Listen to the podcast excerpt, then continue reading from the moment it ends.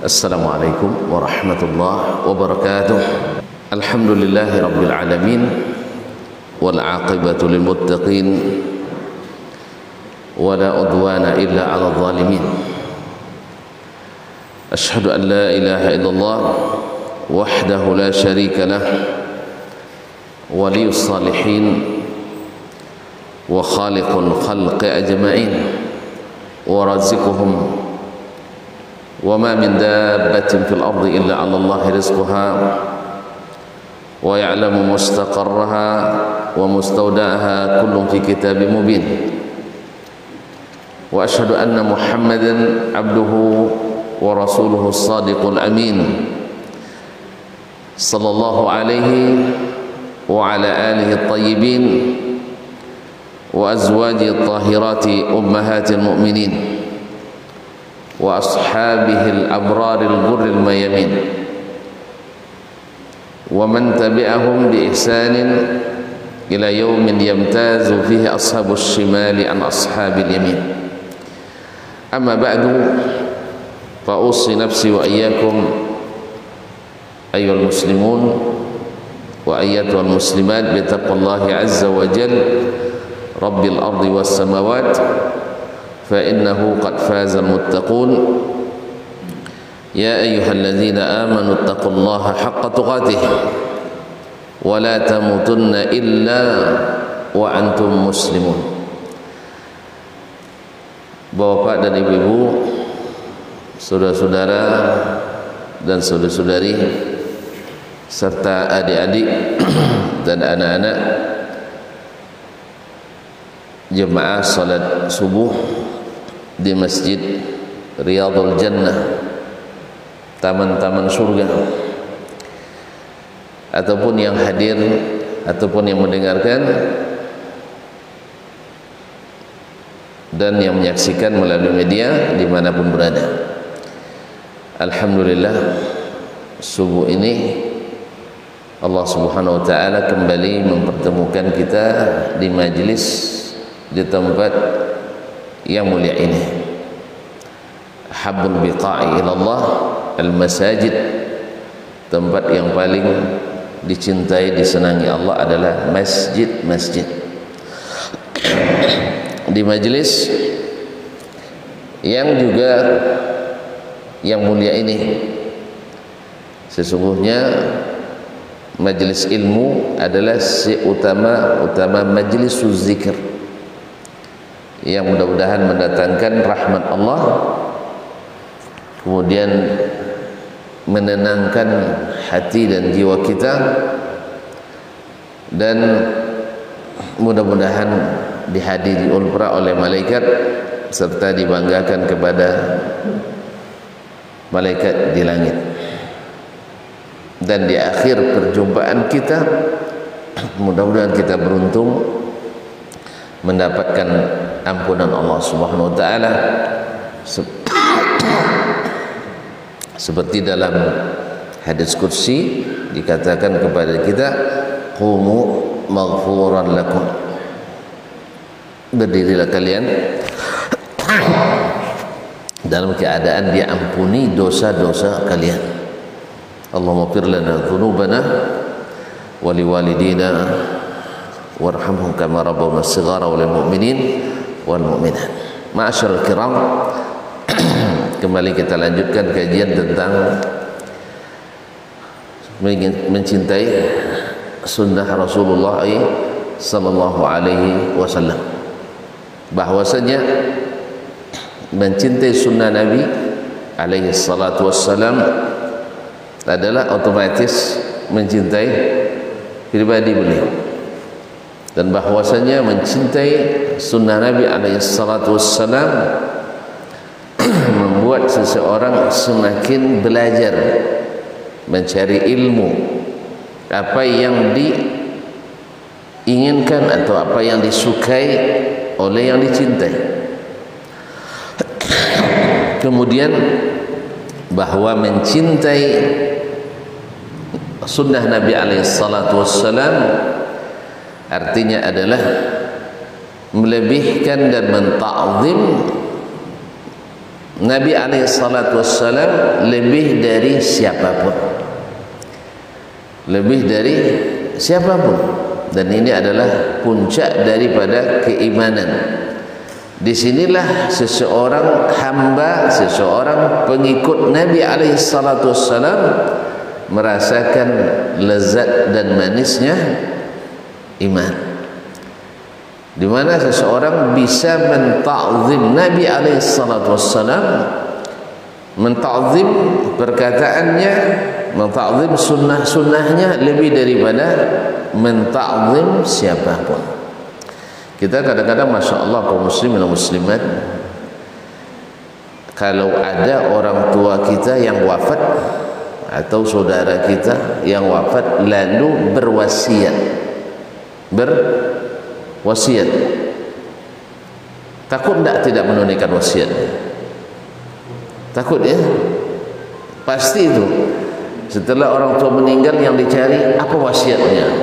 Betul kan? Kenapa kita takut tak menunaikan wasiatnya? Karena hormat kita pada orang tua. Ta'zim kita kepadanya. Karena ini adalah amalan yang dipesankannya pesan orang yang kita hormati pesan orang yang kita muliakan pesan orang yang kita cintai itu tak pernah kita lupakan. Kalau tak percaya? Cobalah. Pas keluar tadi ibu pesan apa? Hah? pasti loh sambil ngaji pun ingat pesannya. Hati-hati jangan sampai lupa. Bah pulang nanti jangan lupa bawa. Hah? Kabarnya kabarnya di Real Jannah sarapannya pakai sate kuok katanya kan? Nah tolong jangan terlupa dibelikan nah. itu ingat apalagi pas satenya turun iya tak? Walaupun turun sate bukan sate kuok pasti dicarinya sate kuok juga. Apa sebab? Karena sayang. Karena cinta. Inilah kaum muslimin dan muslimat dirahmati Allah SWT jadi wasiat orang tua ketika dia meninggal dan ini merupakan wasiat terakhirnya. Pasti akan kita hormati. Cuman sayang kadang-kadang kita mohon maaf wasiat orang tua meninggal dikabulkan dan dilaksanakan. Pas wasiat Allah setelah orang tua meninggal tidak dilaksanakan. Wasiat Rasulullah SAW ketika orang tua kita meninggal tidak diperhatikan. Betul? Apa wasiat Allah setelah orang tua kita meninggal? Hah? Ah, apa wasiat Allah? Tadi kan wasiat orang tua setelah dia meninggal mesti nak kita laksanakan. Apa pasal? Sebab kita termasuk durhaka pada orang tua kalau tidak melaksanakan wasiatnya. Ini pesan terakhirnya. Dan biasanya wasiat terakhir penting tak? Penting. Sama tadi pesan terakhir sebelum berangkat beli sate. Penting tak sate itu? Coba tak belikan nanti. Hah? Coba tak belikan? Kau tak disuruh balik lagi. Beli kau lagi jadi kau musliman muslimat dirahmati Allah. Pasti yang terpenting kan baik. Nah Allah juga berwasiat. Ketika orang tua kita meninggal ini wasiat saya kepada kalian. Apa wasiatnya? Hah? betul? Ahsan? Enggak cuma tadi kan bicara tentang contoh wasiat. Orang tua kita meninggal lalu ah lalu berwasiat. Kita laksanakan enggak sekarang berkaitan dengan masalah yang sama. Allah berwasiat. Bukan. Wasiatnya apa? Nah, kan pada tidak tahu semua. Makanya terkejut nanti. Wasiat Allah Subhanahu wa taala coba lihat di ujung eh di pangkal ayat wasiat. Di ujung ayat wasiat. Hah, ada yang baca? Imam yusikumullahu teruskan yusikumullah mana imam tadi ah baik yusikumullahu fi auladikum lidzakari mithlu hazzil unsayain dan seterusnya sampai di ujungnya wasiyatan minallah ini wasiat daripada Allah Subhanahu wa taala apa itu ayo ah tak tahu juga Allah mewasiatkan bila seseorang meninggal maka dibagi hartanya yang ditinggal. Bagi anak laki-laki dua kali bagian anak perempuan. Wasiat kan? Wasiat ni yusikumullah di ujung ayat Allah tekankan lagi wasiyatan min Allah sekarang ayat kita praktikkan dalam kehidupan sehari-hari. Meninggal orang tua kita. Mau tak kita bagi-bagi hartanya segera? Hah? Apa? berebut. Enggak itu enggak bukan hari itu. Kalau berebut enggak berarti enggak tidak mengikuti wasiat Allah. Allah tidak suruh berebut kita. Ha? kalau kita ingin berebut ya. Berebut katanya tidak jarang tuh kas sifatnya. Pada umumnya kita segan sah? pada umumnya? Ya pak. Pada umumnya kita segan apa sebab? Gak enak. Baru masih merah tanah kuburannya kita sudah bagi-bagi. Bagi-bagi hartanya. Enggak enak. Apa kata dunia nanti? Sah? Baik ketika kita melaksanakan wasiat orang tua wasiat orang tua lalu kita laksanakan. Tidak ada bilang malu sama orang. Ya kan? Ketika wasiat Allah kita tidak malu tidak dilaksanakan. Ini tandanya bahwasanya ta'zim kita kepada orang tua lebih dari ta'zim kita kepada Allah. Ta'zim kita kepada masyarakat lebih daripada ta'zim kita kepada Allah dan Rasulnya sallallahu alaihi wasallam. Jelas? Kayaknya belum jelas. Kalau belum jelas saya lanjutkan. Hah? saya ulang lagi ketika wasiat itu dilaksanakan itu kan karena cinta karena hormat karena takzim karena memuliakan sah? Betul? Kemudian kita segan kepada masyarakat sekeliling. Nah, ya sekeliling. Apalagi sekarang masyarakat dunia. Apa sebab apa pasal? Sebab orang kita meninggal hari ini dibaca oleh orang seluruh dunia asal berteman aja tentu dibaca orang ya kan berita duka cita inna lillahi inna rajiun. Tayyib. Kita malu ketika wasiat orang tua tidak dilaksanakan. Betul? Karena cinta, karena ta'zim, karena hormat, karena segan dan sebagainya. Betul tak? Tayyib. Sekarang sama-sama berwasiat. Dalam kasus yang sama Allah berwasiat, Rasul berwasiat tentang orang tua yang meninggal, anak-anaknya mesti mesti berebut ya Hah? mesti mesti membagi harta warisan. Sesuai?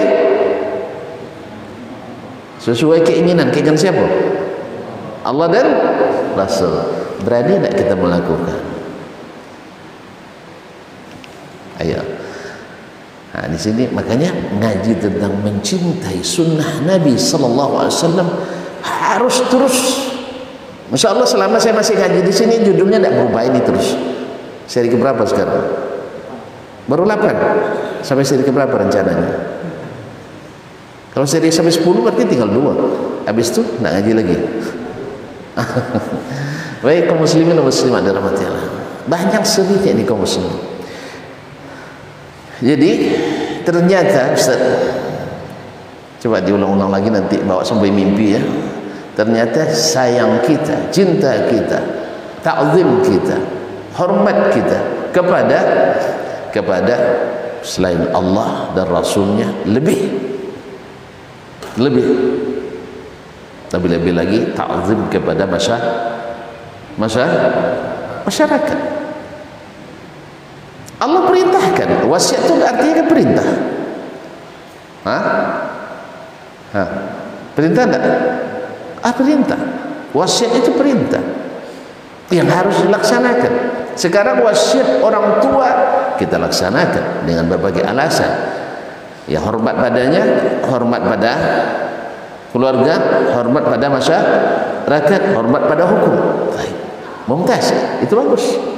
Kita hormat cuma ada yang lupa kita. Yang lebih dihormati yaitu wasiatnya Allah dan wasiatnya Rasul Rasulullah sallallahu alaihi wasallam. Nah, disinilah datang faedah selanjutnya.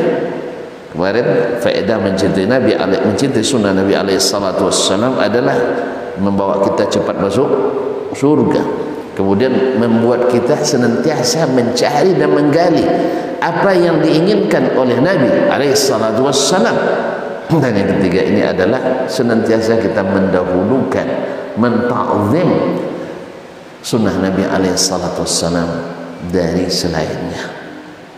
Ini sengaja buat contoh ini jadi ketika orang tua tadi meninggal nanya orang tua apa dulu? Hutangnya ya. Ya tak kenapa hutangnya tanya karena sayang sama orang tua. Betul? Segan sama masyarakat. Segan sama yang tempat berhutang. Itu betul itu. Dan itu bagian daripada melaksanakan perintah Allah. Tapi ada yang kita lupa lagi. Yang lebih daripada itu adalah mengembalikan setiap hak kepada yang berhak makanya ujung-ujungnya kaum muslimin kita harus sering menerima anak berkelahi setelah tiga bulan orang tua meninggal. Itu yang berebut. Hari pertama tidak berebut masih nangis senyum tidak mungkin lah berebut hari pertama. Ya dibiar biar biar dulu. Akhirnya karena dibiarkan yang mengolah kebun menganggap sudah kebun sendiri sah? Yang meninggalin rumah sudah menganggap rumah sendiri. Sama dengan orang buka lapak di tepi jalan. Ya tak dibiarin dibiarin dibiarin. Ada yang backing ada yang tak mana akhirnya besok digusur ribut demo. Ya tak ya tak sampai turun ikatan apa namanya?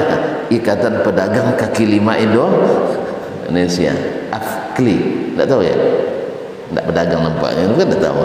Anggota saya turun dengan muslimin dan muslimat kadang turun pejabat ini pejabat itu untuk memberikan advokasi untuk perlindungan hukum dan sebagainya. Padahal asalnya ilah ilegal. Makanya ribut. Terjadi perselisihan permusuhan antara anak dengan anak antara anak dengan maknya kadang. Sampai maknya lawannya di kasus di rumah sakit eh, di rumah sakit di di rumah hukum. Di rumah hukum ya ya ada rumah sakit ada rumah hukum di, eh, di pengadilan gara-gara apa awalnya tidak melaksanakan wasiat yang lebih penting dari wasiat orang tua yaitu wasiat Allah subhanahu wa ta'ala Coba buka Al-Nisa ayat 3 tu. Yusikumullahu fi auladikum lidzakari mithlu hadzal. Ayat panjang itu tentang siapa yang berhak menerima warisan. Nanti setelah itu karena kita tak laksanakan wasiat ini ribut. Sebagaimana kalau tidak laksanakan wasiat orang tua ribut, demikian juga tidak laksanakan wasiat Allah Subhanahu wa taala ribut. Oleh itu kaum muslimin dan muslimat dirahmati. Apa yang membuat kita apa yang menghalangi kita tidak melaksanakan wasiat yang besar ini? satu tadilah bahawa ta'zim kita bahawa sayang kita bahawa sikap hormat kita kepada lingkungan kepada orang tua kepada tetangga kepada masyarakat kepada aparat jauh lebih tinggi daripada cinta kita kepada Allah dan Rasulnya sallallahu alaihi wasallam. Jadi kalau begitu wajar tak Allah cemburu sama kita? Wajar tak Nabi SAW cemburu sama kita? Ya orang tuamu itu kalau bukan karena Allah dan dakwah Rasulullah SAW dia tak jadi apa-apa. Sah? Kita tak jadi apa-apa. Kalau kita ni sempat tidak ikut perintah Allah tak ikut sunnah Rasulullah SAW tak beriman kepadanya kita ni jadi apa? Jadi kayu bakar bahan bakar neraka kita wa'iddat lil kafirin ya disediakan untuk orang-orang kafir. Naam. Apa itu? Fattaqun nar allati waquduha an-nas wal hijarah uiddat lil kafirin yaitu uh, neraka yang kayu atau api apa namanya bahan bakarnya adalah manusia dan batu batu aja dimakannya. Hebat tak apinya tu? Ha? kalau kita batu sekarang kan jadi tungku kan? Bertahun-tahun masak tak dimakannya tu. Sekarang nanti neraka itu baju itu jadi makanannya. La ilaha illallah. Kuat. Kuat tak terus kenapa tidak laksanakan wasiat Allah SWT ha? kenapa laksanakan wasiat itu? Kabar sebab apa Ustaz? Mohon maaf Ustaz. Kami segan sama orang-orang di sekitar nanti jadi bahan ini bahan ini bahan itu. Sama kita hari ini kaum muslimin.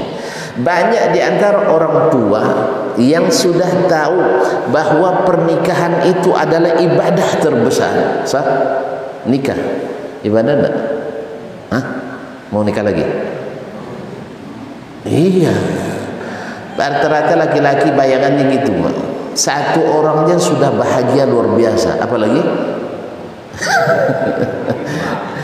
Ya, kalau kalau kalau makanya beragama kalau pakai kira-kira dan rasa-rasa begini jadinya. Ya, setelah menikah, Pak, luar biasa. Istri dapat yang salihah, belum diperintah sudah dilaksanakan, belum dilarang sudah dia langgar. ya belum diperintah sudah laksanakan, belum dilarang dia sudah menjauh itu maksudnya.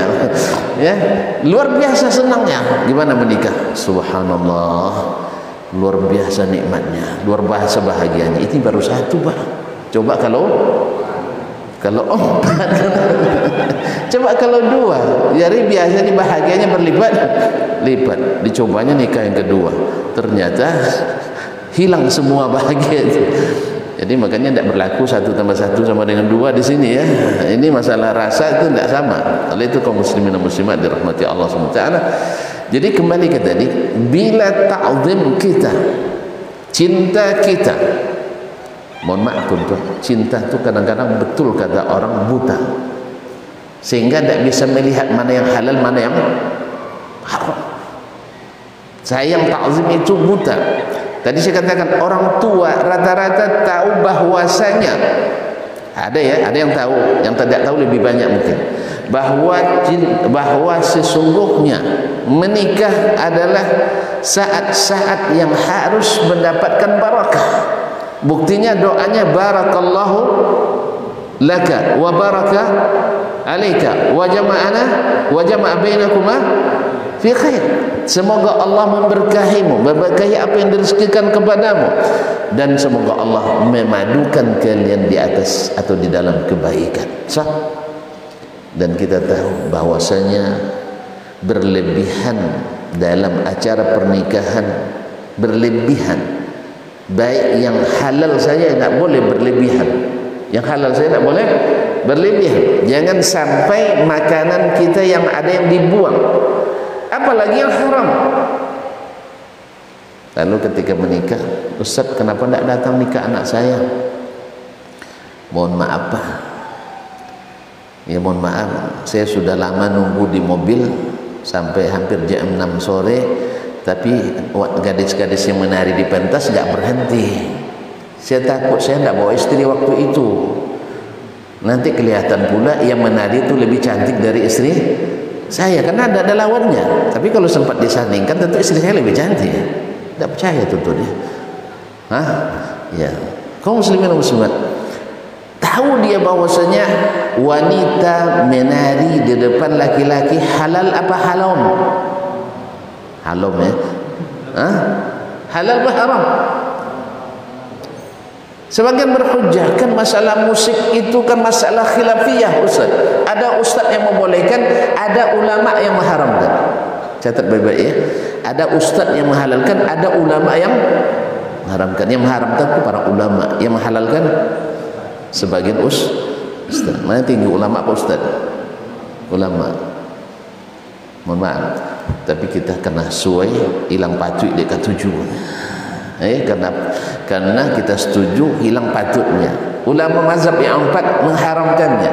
Tapi ada sebagian ustaz mutaakhirin ulama mutaakhirin mengatakan halal. Dan ada sebagian mutaqaddimin dan itu sudah dibantah Imam Hazm rahimahullah ta'ala pendapat yang marju tahu dia bahawa ini merusak. Walaupun religi namanya kan ada lagu lagu religi ada? Ada kan? Menghalangi seseorang tak untuk selingkuh? Tak juga. Karena yang haram tidak akan melahirkan yang yang baik tapi saya tahu Ustaz. Memang okeylah musik masalah khilafiyah kita terima. Tapi kalau ibu-ibu nyanyi di pentas khilafiyah lagi. Saya ulang lagi. Ibu-ibu nyanyi di depan bapak-bapak lagu cinta. Hanya engkau di hatiku. Lupa suaminya. Rupanya engkaunya tak kemana perginya. Ingat masa dulu di S? Di S? Hah? SMA siapa yang tahu hati di dalam? Suaminya ada depan tapi yang teringat yang yang lain. Allah musta'an. Boleh tak ibu-ibu nyanyi di depan orang ramai? Ibu-ibu ni tak usah bapak-bapak eh, tak usah gadis-gadis itu ibu-ibu nyanyi di depan bapak-bapak sekarang ni di masjid yang penuh berkah ini. Kita panggil pada ibu Siana untuk membawakan sebuah lagu kasidah di depan kita boleh tak? Oh, boleh kita uji sekarang hanya penyanyi di belakang boleh tak? boleh mana? Hah? tuan-tuan mau keras kaji masa tak boleh perempuan nyanyi depan kita? ini kalau orang soleh semua tidak akan terpengaruh ya Ustaz kan orang soleh semua ni mungkin terpengaruh orang-orang beriman kuat tu tak perlu datangkan artis internasional pun tak ada masalah gitu. Iman kita tak tak berubah. Kita coba. Kita coba. Ada yang bersedia? Itu apa kan sekarang? Kalau mau halal, jangankan untuk menyanyi bapak dan ibu yang semuliakan. Jangankan untuk menyanyi, ya untuk azan saja boleh tak Ustaz? Wanita azan Kenapa tak boleh? Kenapa tak boleh? Ha, saya tahu sebabnya. Sebab perempuan kalau azan takut Pak Ustaz cepat selalu ke masjid. cepat ke? Ke masjid. Apalagi muazzinahnya, tukang azannya janda cantik pula. cepat datang masjid. Tak percaya coba sekali nanti. Kalau sempat disuruh yang azan itu perempuan cantik pula, insya Allah banyak yang, banyak anak-anak muda yang datang ke masjid. Ya, lebih awal. Nanti minta kunci Pak Ustaz, minta kunci masjid saya besok lebih sebelum subuh dah sampai. Berlomba jadi gharib nanti. Jadi untuk azan saja. Di tempat yang bersih. Dan muazzinnya tersembunyi. Sah tidak antum bolehkan. Masa antum bolehkan dia pegang mikrofon sambil menari menggoyangkan badan di depan halayak ramai. Sah agak keras hukumnya kan bukan.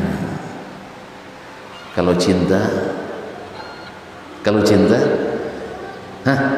kalau cinta sudah di hati maka gunung kan gunung daki menaki gunung bikin kesak nafas enggak? Tapi kau lakukan enggak? Hah? tetap dilakukan? Tetap dilakukan. Sebab cinta. Sah? Demikian juga semudrahkan ku seberangi. Jangan nyebrang samudra nyebrang sungai aja payah kita. Nyebrang sungai sih ada kagum kan? Tapi demi cinta aku akan belajar berenang. Sah Hah? Sekarang enggak, kalau enggak ada cukai kasih ni seberang. Jangan coba enggak. Saya enggak berani naik sungai. Apalagi kalau ada buayanya kan. Tapi kalau cinta enggak. Makanya kaum muslimin dan muslimat dirahmati Allah. Kalau benar kita mencintai sunnah Nabi alaihi salatu wassalam dan mencintai pribadinya dengan benar, kita tidak akan mendahulukan siapapun daripada Nabi alaihi salatu wassalam. Makanya Abdullah bin Umar radhiyallahu taala anhu meriwayatkan dari Nafi' dari Abdullah bin Umar. Dari beliau mengatakan saya pernah berjalan dengan Abdullah bin Umar bin Khattab radhiyallahu taala anhu lalu dia mendengarkan suara seruling. Maka Abdullah memasukkan kedua jari ke dalam telinganya. Sampai hilang suara seluring tersebut. Lalu di sebelum hilang dia tutup lagi ke telinganya. Lalu ditanya oleh Nafi kenapa kau lakukan?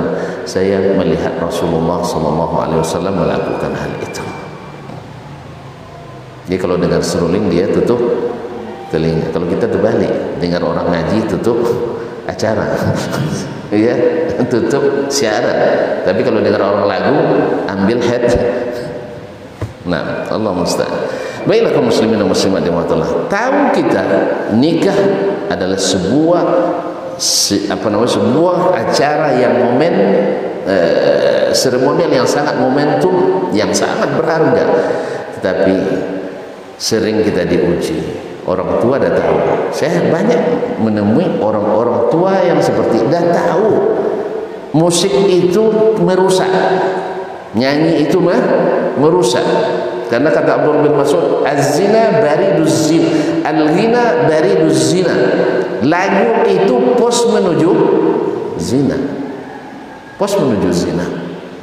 Mohon maaf kaum muslimin dan muslimat. Terus terang atau tidak diakui atau tidak yang banyak berkasus perselingkuhan adalah marah orang semua kita syekh. Ya adalah betul pak. Betul ini ya. Apa sebab? Tidak dinyanyikan pun itu bayang juga apalagi di dinyanyikan. Rata-rata nyanyi itu ada momen-momennya kan? Tahun 65 60-an nih lagunya teringat kisah di awal tahun 60 ah, ini bapak-bapak ketika kita di awal 80-an ini lagu hitnya. Waktu itu ada sejarah khusus itu generasi kan enggak belum juga. 80 belum kita ini. Abang tahun berapa lahir? Tahun 25 75 eh, lebih muda pula dari saya rupanya. Oh, saya kira ada, ada saya nak panggil abang. Sekarang tempat saya panggil adik lagi. Baiklah kaum muslimin Berarti saya lebih dapat tua kalau gitu ya. Yang 75 nya subhanallah. Awak nak panggil abang juga. Baik. Kau muslimin dan muslimat dirahmati Allah. Teringat pula tahun 90-an ah, ini pas kita sedang 90-an kan yang lahir-lahir 75 kan 90-an tu masa-masa nah, nah teringat pula tidak dinyanyikan pun teringat juga apalagi ni dinyanyikan ada momen-momen itu kaum muslimin dan muslimat yang rahmati Allah. Ya saya lagu apa yang teringat? Oleh sebab itu maka dia tahu saya tahu. Cuman desakan anak desakan istri desakan tetangga dedasa keluarga bahkan ada yang ngancam kalau tidak ada organ tunggal kami tidak hadir pernikahan anakmu. Sah? Betul? Biasa biasa. Akhirnya terpaksa fatwa berubah karena berubah tekanan. Iya berubah tekanan kan? Karena ada yang Ustaz saya sudah berusaha Ustaz. Bahwa nikah ini mesti barakah sederhana tidak perlu mutang-mutang. Apa yang ada itu yang disajikan. Tidak perlu berlebihan kaum muslimin karena yang paling barakah kata Nabi yang paling sedikit belanja jelas? Bukan yang paling banyak Kenapa buang-buang untuk yang mubazir, yang berlebihan? Nikah itu yang sederhana lebih barakah. Kalau nak lebihkan, lebihkanlah di menu makanan. Tak apa. Dan diundang orang-orang yang miskin-miskin. Orang kaya dipanggilnya sepertiga, dua pertiga dibuangnya. Panggil yang miskin-miskin, barakah. Ya, orang miskin tu disuruh bertambur, bertambur terus dia. Dibungkuskan, dibawanya juga. Orang kaya enggak. Makanya barakah di situ. Tapi kalau nak lebihkan, lebihkan di menu, ya. Lebihkan. Kalau perlu setiap yang datang bawa bungkusan pulang. Tidak ada masalah. Mau bawa bungkusan pulang? Mau kan? Jadi kaum muslimin dan muslimat dirahmati Allah. Masalahnya tadi kita tidak akan melebihkan Allah dan Rasulnya dari masyarakat, dari lingkungan, dari keluarga akibat apa? Cinta tadi yang sedang bermasalah kita tahu. Mungkin kalau menyanyikan lagu cinta kepada Allah dan Rasul kita ahlinya. Melantunkan syair-syair pujian terhadap Nabi kita ahlinya. Tapi pas menghadapi wasiatnya seolah-olah kita lupa. Makanya kaum muslimin dan muslimat dirahmati Allah datanglah faedah selanjutnya mencintai sunnah Nabi alaihi salatu merasa nyaman merasa nikmat. Merasa manis iman kita di dada. Thalathun man kunna fihi wajada bihinna halawatal iman. Coba lihat apa tafsirnya oleh ulama itu nanti. Tiga perkara.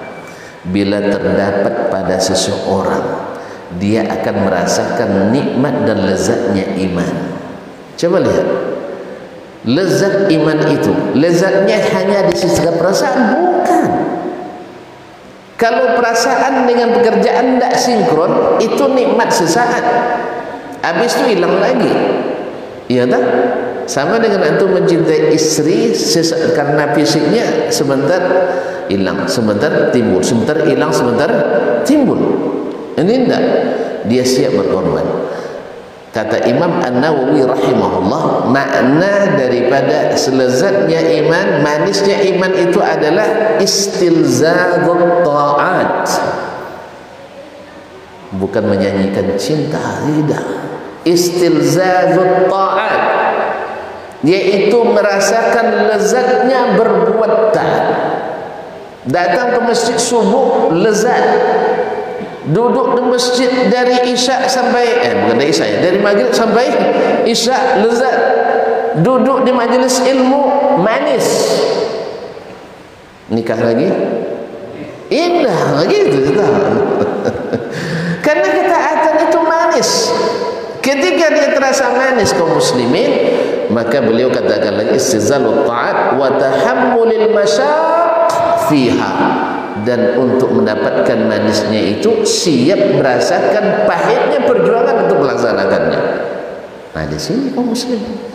Kalau memang manis, kita siap untuk menanggung beratnya. Nah, istilzadu ta'at wa tahammulil masyaq fiha wa sabri ala adaha. Cukup itu enggak?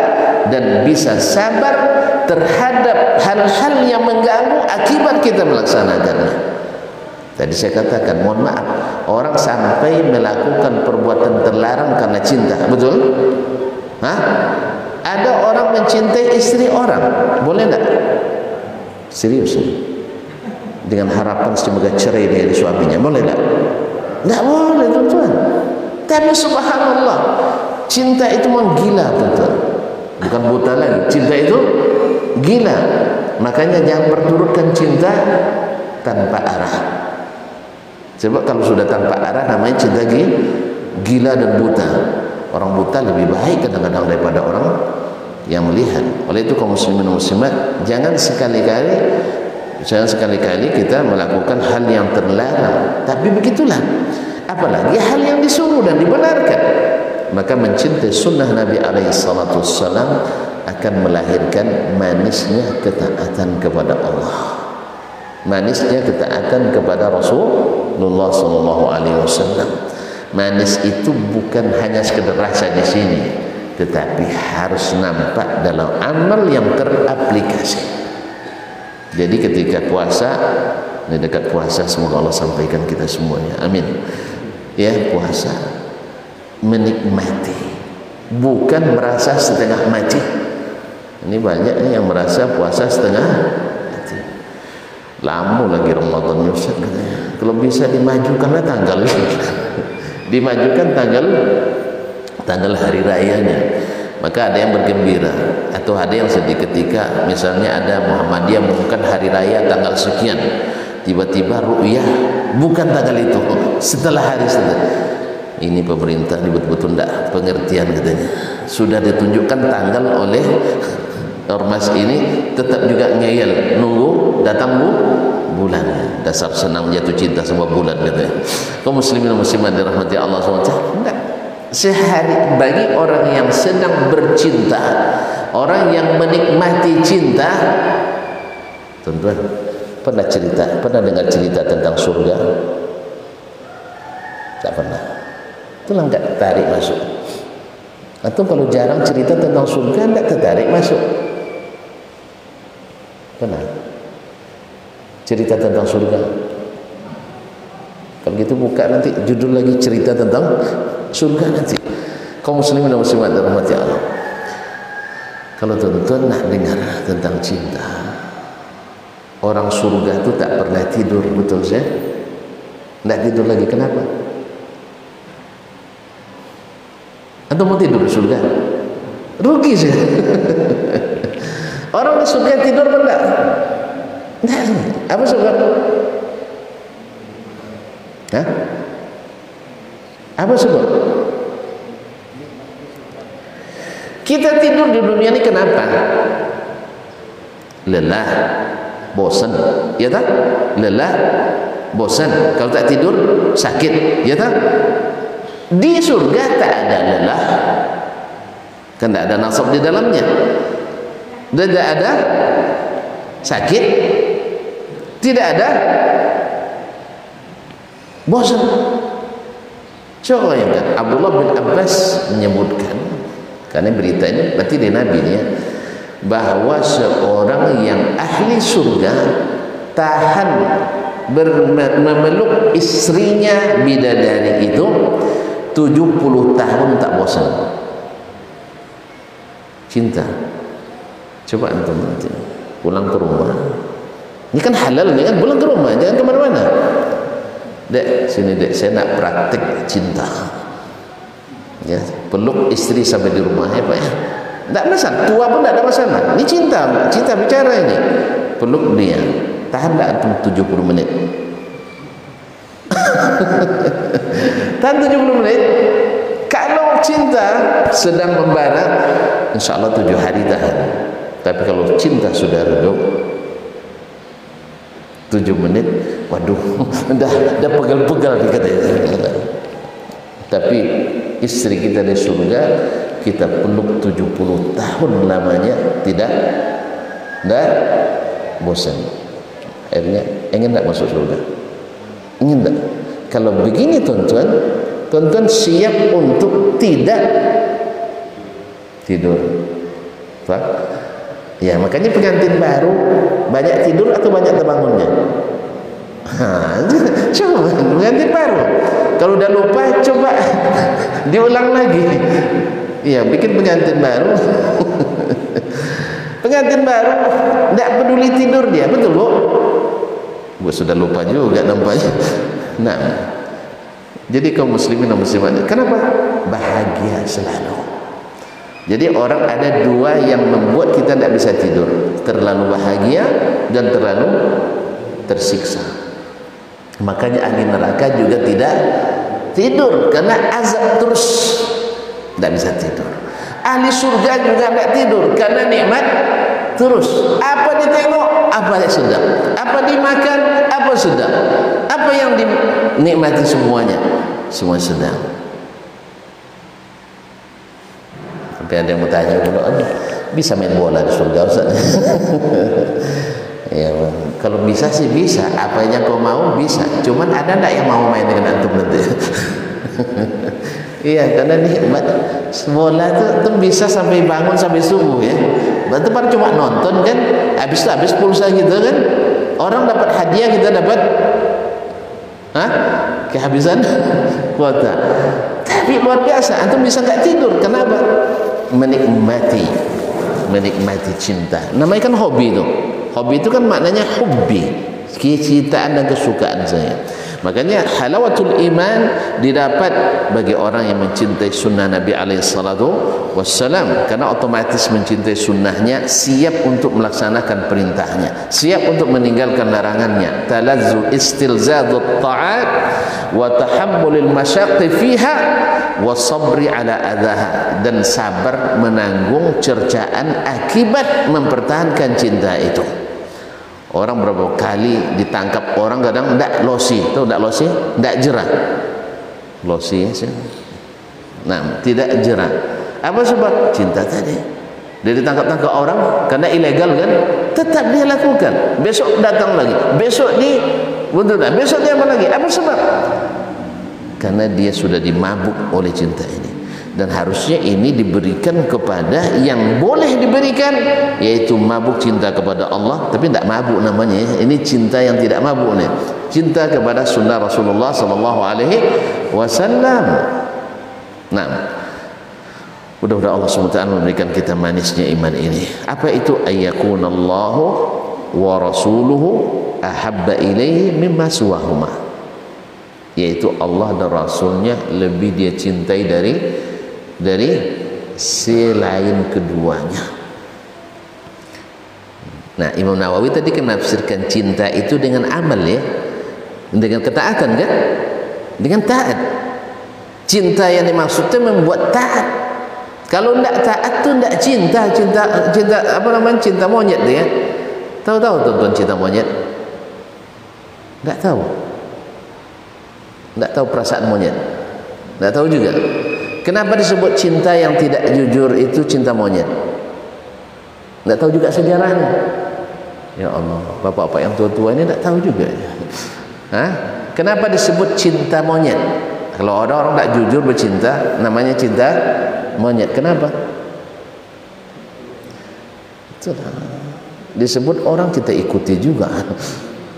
Ya, saya pernah tes monyet itu pas kita datang dia sedang bermesraan sama kekasihnya.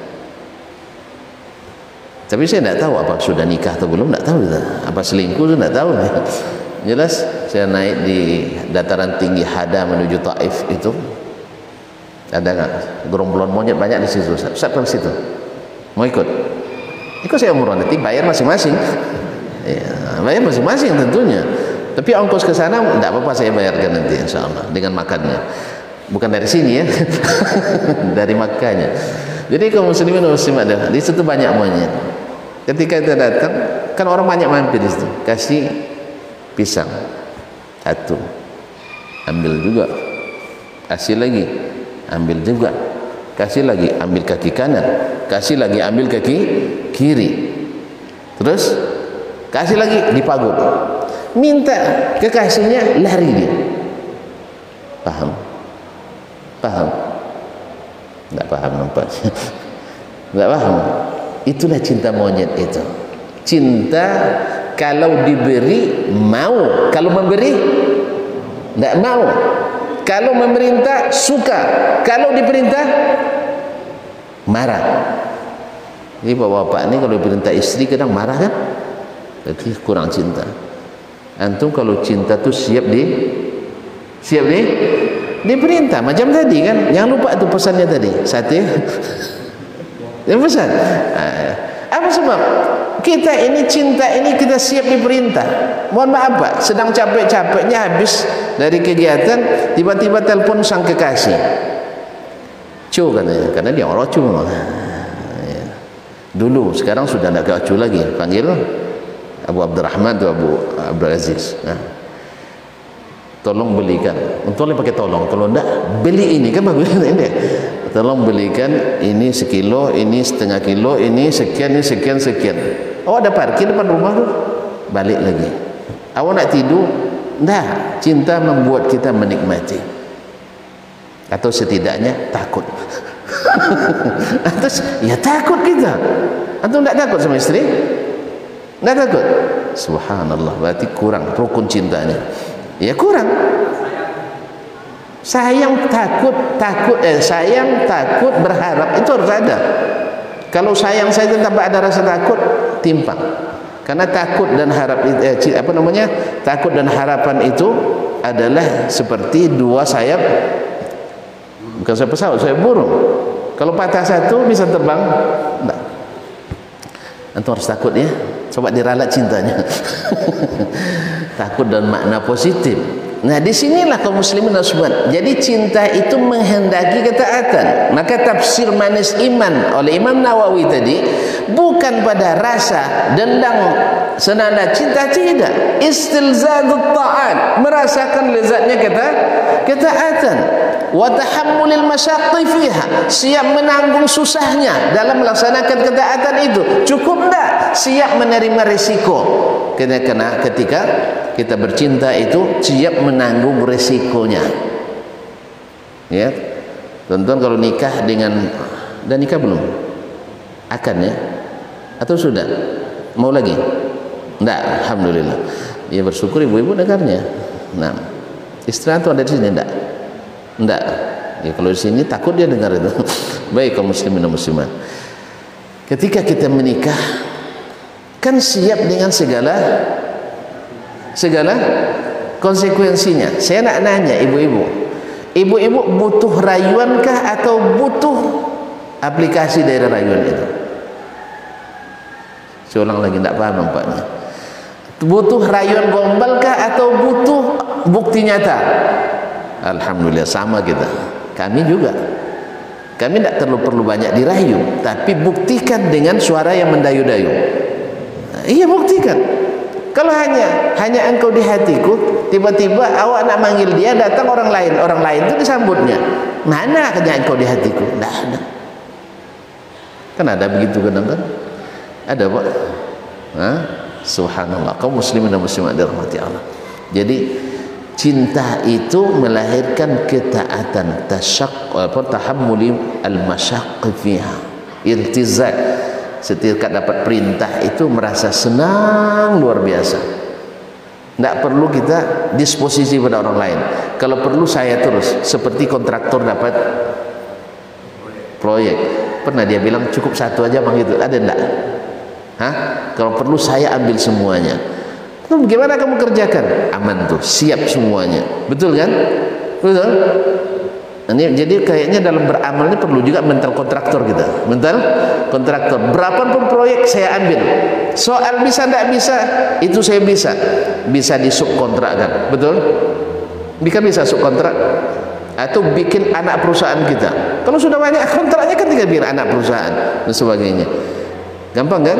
Sama dengan pekerjaan. Ustaz, siap tidak Ustaz mengelola uang 30 miliar bikin yayasan saya bilang siap padahal tidak mungkin saya sendiri saya dah terbayang tu.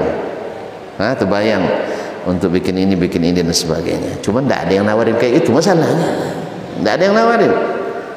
Yang ada itulah Ustaz ada tanah ke diwakafkan cuma tanya begitu ada yang kasih tanah wakaf? Bisa Ustaz bikin masjid di sini besar-besar.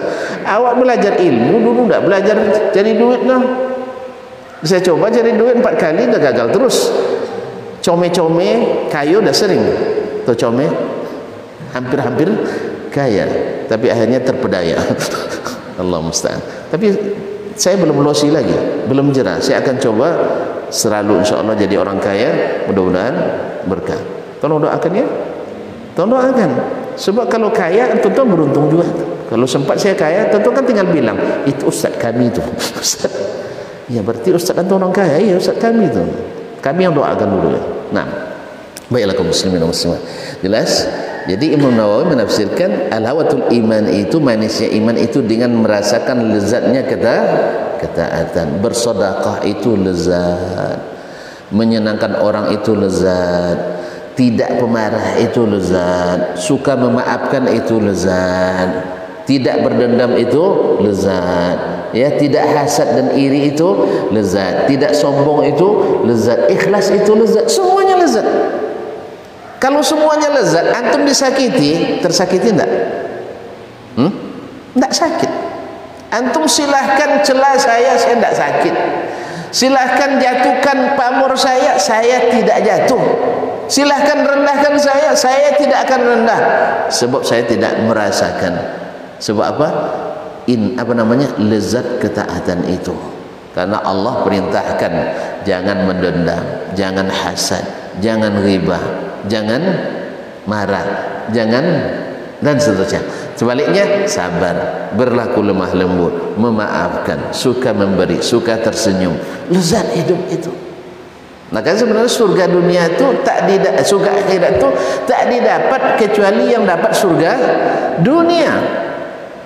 Kalau antum sudah bahagia di dunia ini dengan melaksanakan perintah Allah, berarti insya Allah antum akan berbahagia di surga akhirat. Jadi kesimpulan kaji kita so eh, pagi ini apa? Hah? Merasakan manisnya kita ketaatan. Jadi kita tidak lagi pertimbangannya orang lain karena kita cinta kita pada Rasulullah sallallahu alaihi wasallam. tetapi ingat Rasul juga menyuruh kita mempertimbangkan orang nah, itu betul itu makanya kita tidak boleh ada orang buat dosa tidak boleh kita bahagia dengan dosanya kan? Tidak boleh kita kita expose kesalahannya. Itu, itu harus dijaga. Itu sunnah Nabi juga. Atau misalnya ada orang yang belum berilmu lalu kita sudah dapatkan ilmu kita paksa dia untuk ikut kita itu juga tidak boleh. Jelas? Eh? atau kita tak boleh menghukum seorang masuk surga masuk neraka itu juga sunnah Nabi tak boleh juga kita asal tak sama dengan saya ahli neraka asal sama dengan saya ahli surga itu tak boleh kan? Tak boleh kan? Nah, itu juga harus dijaga. Kadang-kadang ini pula sudah jalan yang benar tapi larinya kencang sekali. Ya banyak pula apa namanya banyak pula penumpang yang ketakutan di dalamnya. Kita boleh ya boleh semangat dalam kebenaran tapi tengok penumpangnya orangnya penumpangnya sudah siap pegangan atau sudah sudah pasang seatbelt atau belum ini belum lagi pintu ditutup sudah brung sudah berangkat ah, ini tidak boleh oleh itu makanya kaum muslimin ini semuanya sunnah-sunnah Nabi sallallahu alaihi wasallam dalam segala hal, dalam bersikap, dalam menghadapi orang berbeda dan sebagainya. Jelas? Pada jelas? Selesai kita tidak ditambah lagi. Kan sampai harus sampai sampai sampai jelas. Mudah-mudahan ini bisa kita dapatkan. Jadi tiga tadi yang merasakan manisnya iman, mesti iman itu bukan dengan nyanyian, bukan dengan hanya sekedar dalam hati. Katanya tafsirnya istilzadu taat taat itu merasa lezat yang kedua siap menanggung sulitnya melaksanakan perintah ketiga sabar terhadap akibat yang ditimbulkan oleh mengikuti Rasulullah sallallahu alaihi wasallam yang kedua kata Nabi SAW merasakan lezatnya iman itu adalah ayyuhibbal mar'a la yuhibbu illa lillah sampai-sampai dia mencintai sesama karena Allah Allah. Kalau nak kenal Allah dia dia cintai. Makanya Allah larang mencintai orang-orang berbuat durhaka. Allah larang kan mencintainya. Ya dilarang tak? Dilarang mencintai maksiat boleh tak? Mencintai ahli maksiat boleh tak? Mencintai kekufuran boleh tak? Mencintai orang kafir boleh tak? Mencintai kesyirikan boleh tak? Tak boleh mencintai orang musyrik boleh tak? Tak boleh. Itu cinta. Sebab kalau kita cinta nanti lezat bersamanya tetapi walaupun tidak cinta tidak otomatis boleh kita menganiaya dan menzalimi jelas tak boleh antum rampok hartanya tak boleh antum uh, layangkan nyawanya tak boleh antum menzalimi keluarganya tak boleh mentang-mentang tak cinta zalim tak cinta itu beda lain ya maka saya tak boleh mencintai orang kafir karena Allah benci pada orang kafir saya cinta pada Rasulullah SAW karena Rasulullah mencinta, apa, membenci orang kafir. Tetapi orang kafir dalam Islam terbagi empat. Ingat itu. Tiga tidak boleh diperangi. Hanya satu yang boleh. Jelas? Tidak, belum jelas, belum dibilang kan? Satu, zimmi. Yang hidup di negara Islam. Di bawah pemerintah Islam. Ini yang mengganggunya tak mencium bau surga. Coba lihat. Tak boleh diganggu yang kedua adalah uh, apa namanya musta'man orang yang minta uh, suaka ke negeri Islam sekalipun yang menjamin rakyat bukan pemerintahnya itu juga tidak boleh diganggu. Yang ketiga adalah yang terikat perjanjian dengan orang is Islam itu tidak boleh diganggu. Yang boleh hanya satu dalam kondisi berperang dengannya. Jelas? Dalam kondisi ber berperang. Ah, kalau perang ialah ada orang perang bawa bawa es krim. Pak ya, kita perang bawa pisang goreng ya ada? Ha, main lempar pisang? Tidak perang itu perang perangan kalau udah perang pasti bawa. Ha? senjata. Kalau senjata itu tidak digunakan kita yang dimakan. Jelas? Makanya kalau dalam perang iyalah. Siapapun wajib membunuh lawannya. Baik orang kafir maupun orang Islam. Maka usahakan jangan sampai ber jangan sampai ber berperang. Bukan kita aja orang kafir juga jangan perangi kita. Sebab kalau kita diperangi kita lebih siap daripada mereka berperang. Makanya jangan perangi umat Islam. Umat Islam pun bukan ahli, bukan suka perang. Jelas? Ya sih Hah? belum jelas lagi? Lah alhamdulillah. Kalau dah mau pulang nampaknya baiklah kaum muslimin dan muslimat yang ketiga adalah wa ayyakraha ayyauda fil kufri kama yakrahu ayyukhzafa bin nar dia takut atau benci kembali kepada kufuran ya berarti kan harus benci kekafiran kan? Sebagaimana dia tak suka dicampak ke dalam api. Kalau sudah ini tiga ada sama kita saya siap. Wanita tak boleh azan. Sami'na wa ata'na. Wanita tak boleh jadi imam. Sami'na wa ata'na wanita sab terbaiknya paling belakang. Sami'na wa ata'na. Selesai masalah. Inilah yang membuat kita bahagia. Tapi kalau setiap aturan di demo bahagia? Bahagia? Tidak setiap aturan diprotes bahagia? Tidak bahagia. Ya pak ya? Ha? naik agak bensin. Pada awal tidak pakai bensin lah, tapi ikut juga marah. Kaum muslimin dan muslimat. Jadi kita lebih sering tidak taatnya tidak merasa lezat ketaatan itu sehingga tidak akan bahagia tapi kalau sudah ada itu sama kita dan ini buah dari mencintai sunnah Rasulullah wasallam. Kenapa sunnah? Saya sudah sebutkan alasannya kemarin yang mencintai sunnah Nabi pasti mencintai pribadi Nabi. Tapi kalau mencintai pribadi belum tentu mencintai sunnah Nabi wasallam. Kita ambil yang tertinggi, yang bawah itu nurut. Ambil yang rendah, yang di atas tidak nurutnya. Mudah-mudahan yang sedikit ini bisa bermanfaat. Semoga kita termasuk yang berbahagia mendapatkan syafaat dari Sayyiduna Muhammad sallallahu alaihi wasallam dengan merasakan indahnya ketaatan, lezatnya kebersamaan dengan Nabi alaihi salatu wasallam. Sampai di sini ya. Karena sudah dibilang jelas tadi, tidak ada yang perlu ditanyakan. Kan dah bilang jelas tadi. Jangan bertanya lagi. Ya, kita tutup. Subhanakallahumma wa bihamdik. Asyhadu an la ilaha illa anta astaghfiruka wa atubu ilaik. Wassalamu alaikum warahmatullahi wabarakatuh